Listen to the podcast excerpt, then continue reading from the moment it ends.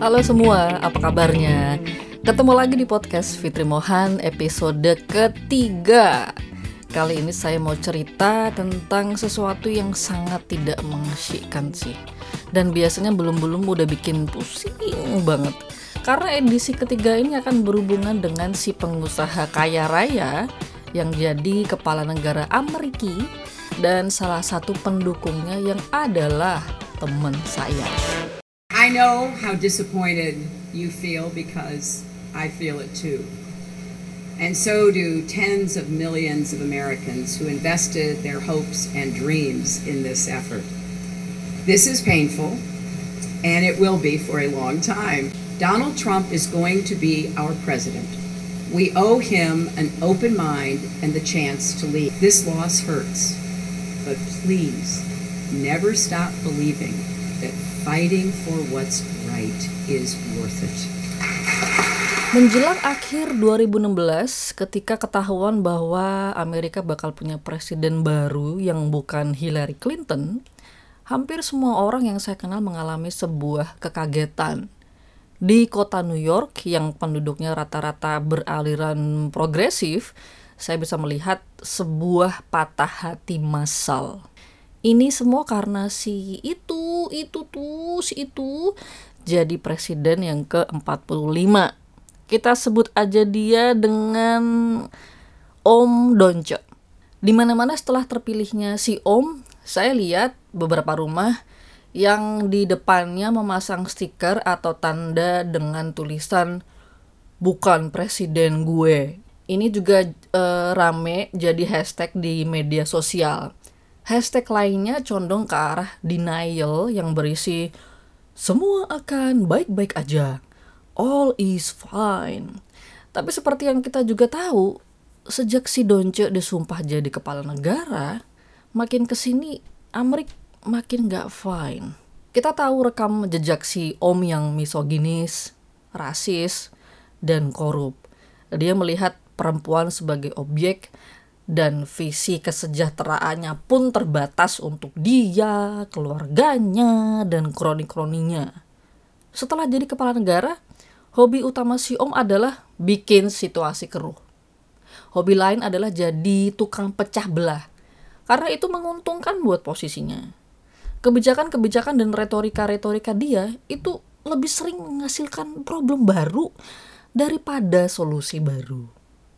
Kalau mau kena muntaber atau darah tinggi ya, bisa deh tuh diikutin aja tweet atau omongan dia atau pengikut-pengikutnya di media beneran saya salut sama para wartawan dan mereka-mereka yang kerjaannya harus ngikutin kengacauan si Om. Satu hal yang kerasa setelah si Donce jadi pemimpin adalah bagaimana terpisah-pisahnya masyarakat. Sikap seperti lo beda sama gue, so hati-hati aja. Atau ah lo pendatang, nggak usah banyak tingkah. Nah sikap seperti ini tuh mulai kental terasa orang yang memaki terang-terangan dengan bawa-bawa suku atau agama mulai bisa kelihatan di mana-mana.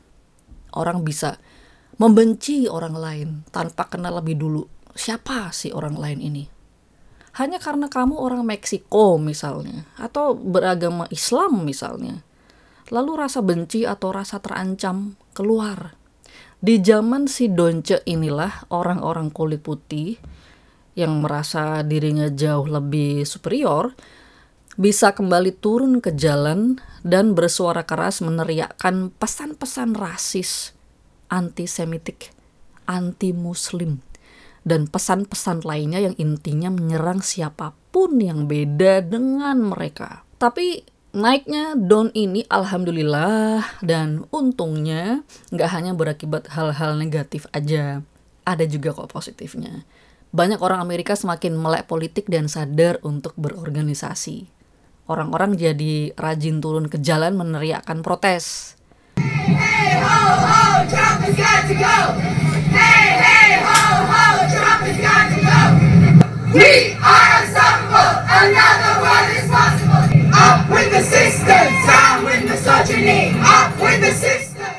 Gerakan sosial lalu jadi bangun dengan penuh semangat untuk melawan gelombang besar pemecah belahannya si Donce.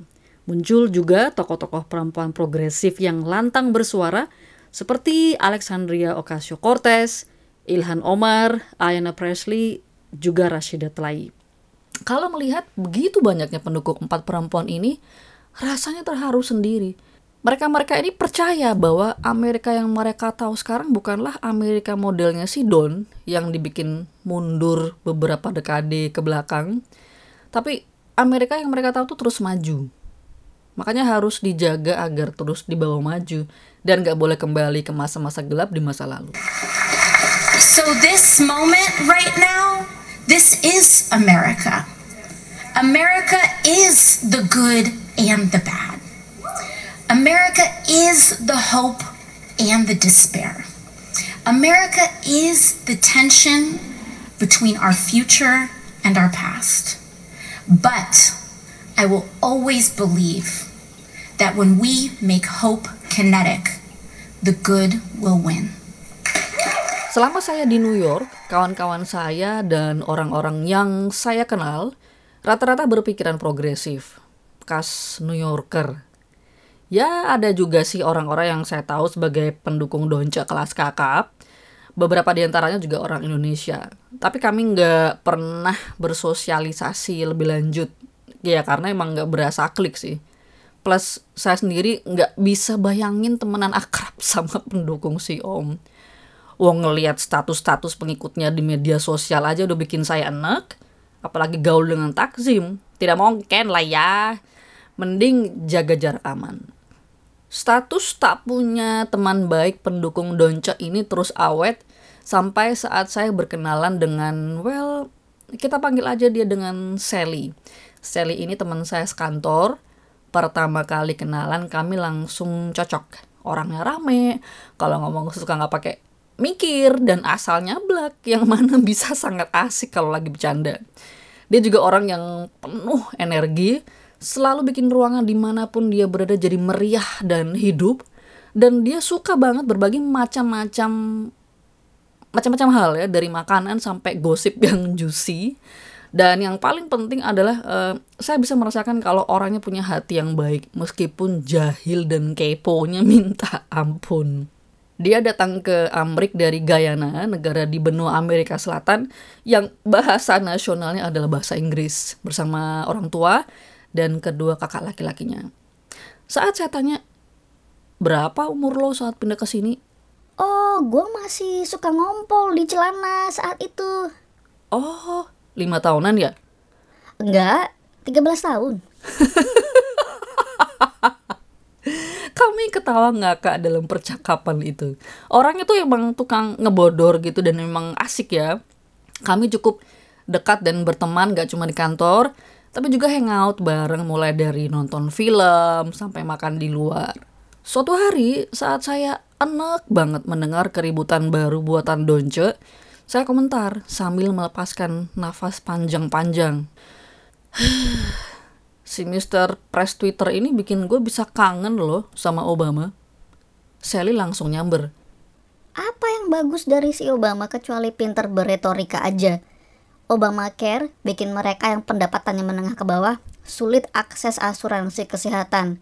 Karena cuma orang yang miskin banget aja yang bisa dapat asuransi.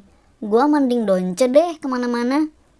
Fakta yang dia sebutkan tentang Obama memang ada benarnya. Tapi soal bagusan donce ke mana-mana, ntar dulu. Saya tanya pendapat dia tentang retorika donce yang menyuruh orang Meksiko balik ke negaranya. Dia bilang, dia fine-fine aja dengan itu. Bahkan dia pernah nyuruh orang berwajah Hispanik dan dia asumsikan sebagai orang Meksiko yang nyenggol atau nabrak ibunya di supermarket untuk balik ke negaranya. Gue maki-maki dia dan gue suruh dia pulang ke negaranya. Katanya, tanpa sedikit pun ada gurat rasa bersalah. Saya saat itu kaget banget, jadi nggak pakai acara mikir panjang saat bilang ke dia, Oh my ngapain lu pakai acara nyuruh-nyuruh dia balik ke negara asalnya? Lu tahu dari mana dia bukan berasal dari sini? Oh iya, jangan lupa, lu tuh pindah dari Guyana ke sini sebelum akhirnya jadi orang Amerik. Gimana perasaan lo kalau disuruh balik ke negara lo? And by the way, Amrik itu ada karena orang-orang dari luar Amrik pindah ke sini. So nyuruh orang balik ke negaranya itu ahistoris. Kata-kata saya yang panjang lebar dan saya utarakan kepadanya karena 100% kaget itu bikin dia kaget juga. Makanya dia mungkin menjawabnya juga dengan shock. Gue nggak politikal orangnya. Gue rakyat biasa yang hidup apa adanya aja. Lagian, kalau ibu lo kena senggol orang lain yang jalan sembarangan, masa lo nggak marah dan memaki orang itu? Yang mana bikin saya jawab, loh sama, gue juga rakyat biasa dan hidup apa adanya aja. Dan kalau ibu gue ditabrak sembarangan di supermarket gitu, make no mistake, sudah pasti gue akan misuh-misuh orang itu. Tapi gue gak akan bawa-bawa sentimen ras atau nyuruh dia balik ke negaranya. Lo bilang kalau lo gak politikal, tapi apa yang lo sampaikan ke gue ya adalah sesuatu yang politis. Dia mengakhiri percakapan soal senggol-senggolan di supermarket itu dengan, Oke, gue akan coba nggak kayak gitu lagi. Makasih udah ngingetin gue. Lalu ketika ada momen di mana lagi-lagi si Donca bikin huru hara dan saya saking frustrasinya lalu keceplosan mengutuk si bayi tua gedung putih itu dan menyebutnya sebagai orange juice blur. Si Sally komen, Emang apa sih yang salah dari dia? yang langsung saya sautin, emang apa yang bener dari dia? Again, dia jawabnya, Gue nggak politikal orangnya dan gue nggak tahu politik. yang terus saya respon dengan, lo nggak bisa dong pakai alasan itu terus menerus ke gue. Coba lo belain deh si kakek tuek ngehe ini dengan sesuatu yang memang lo tahu bagus buat kita semua. And please, jangan pakai Fox News sebagai referensi. Sally ini sangat doyan berselancar di media sosial, tapi nongkrong lamanya selalu di media-media kanan mentok. Dari sedikit-sedikit mengulik-ngulik reaksi dan komentarnya, saya baru ngeh bahwa dia ini emang ada kecenderungan rasis. Misalnya dia selalu ngomongin orang berkulit hitam dengan ekspresi seolah-olah mereka ini najis. Yang mana selalu saya tanya ke dia, kenapa ekspresimu kayak mereka ini makhluk menjijikan? Lo rasis? Yang mana langsung dia jawab dengan sebal. Karena kayak ketahuan. Tentu saja enggak. Oh my god, Sari, please stop being a biatch. Dan langsung saya respon dengan, I'd rather be a biatch than a racist person. Dia lalu ketawa ngakak. Begitu juga saya. Saya lalu suka uh, share link-link berita sebagai penyeimbang vitamin kanan mentok yang dia konsumsi tiap hari. Kadang pas lunch break, saya kirim berita-berita ke dia dan saya tanyain, gimana nih pendapatmu soal ini? Setelah itu tanpa ada perjanjian apa pun di antara kami, pembicaraan soal politik, terutama kaitannya dengan si uh, orange juice blur ini, sebisa mungkin kami hindari. Ini agar di antara kami tidak ada lagi saling goreng-menggoreng. Tapi dia kayaknya mulai ngerasa deh kalau saya pelan-pelan pasang jarak aman ke dia. You know, ini sesuatu yang nggak saya bikin secara sengaja, tapi udah otomatis terbentuk di saya.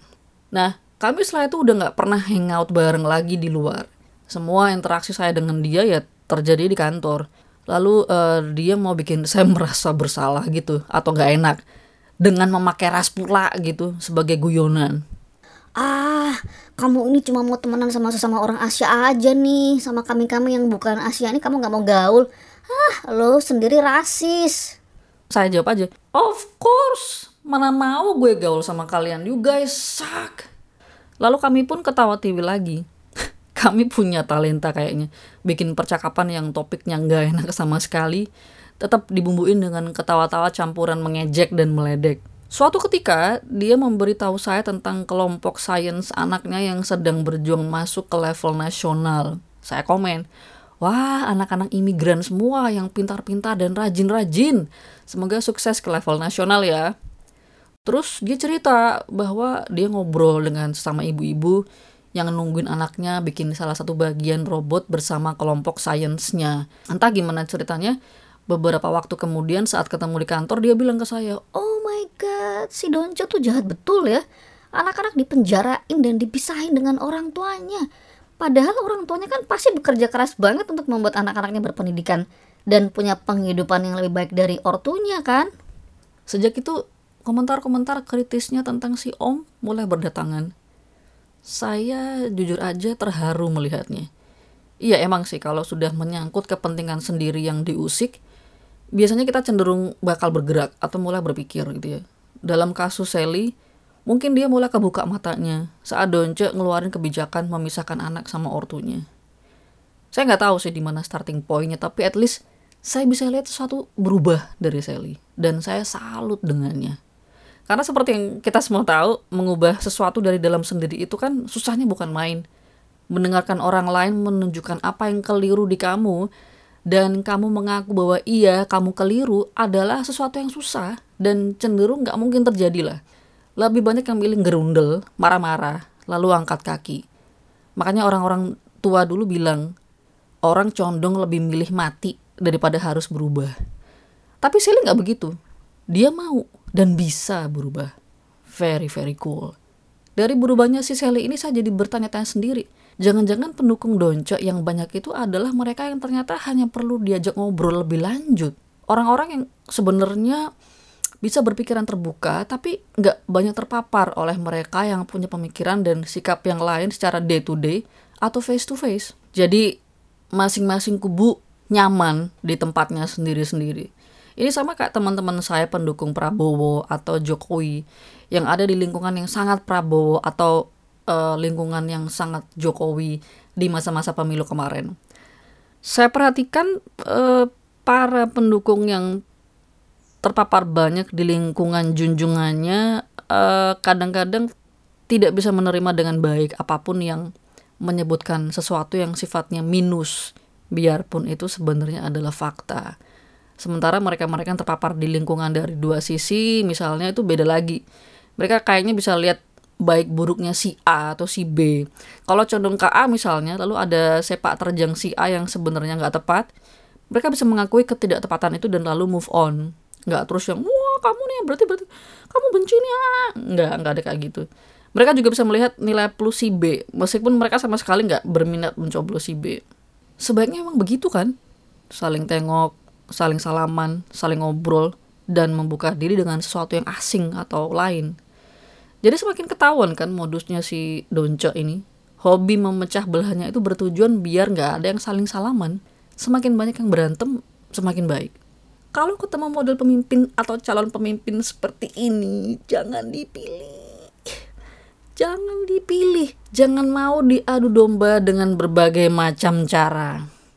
Saya dan Sally masih berteman hingga sekarang. Sudah tidak ada lagi Sally yang bela-belain si Donja. Yang ada adalah dia yang frustrasi kalau lihat tingkah pola ngaconya si bayi tua gedung putih itu. Saya beneran seneng loh melihat kemajuan ini. Nah, tapi apakah dia begini hanya agar tidak kehilangan pertemanan baiknya dengan saya dan sebenarnya masih diam-diam pro ke Donce? Wallahu alam. Saya nggak tahu. Dan mudah-mudahan sih enggak ya. Tapi kalaupun iya, ya nggak apa-apa juga. Paling enggak saya udah menunjukkan rasa sayang dan peduli saya sebagai teman ke dia dengan cara mengingatkannya. Harapan saya sih ada dua. Pertama, setidaknya dia bisa berpikir ulang atas persepsinya. Dan kedua, menyimpan kecenderungan rasis itu cukup untuk dirinya sendiri. Sampai podcast ini saya bikin, yang paling jelas kelihatan adalah yang kedua sih dan kejelasan yang lain juga adalah si Donce ini bikin saya rajin istighfar. Jadi adalah bagusnya si Donce itu di saya.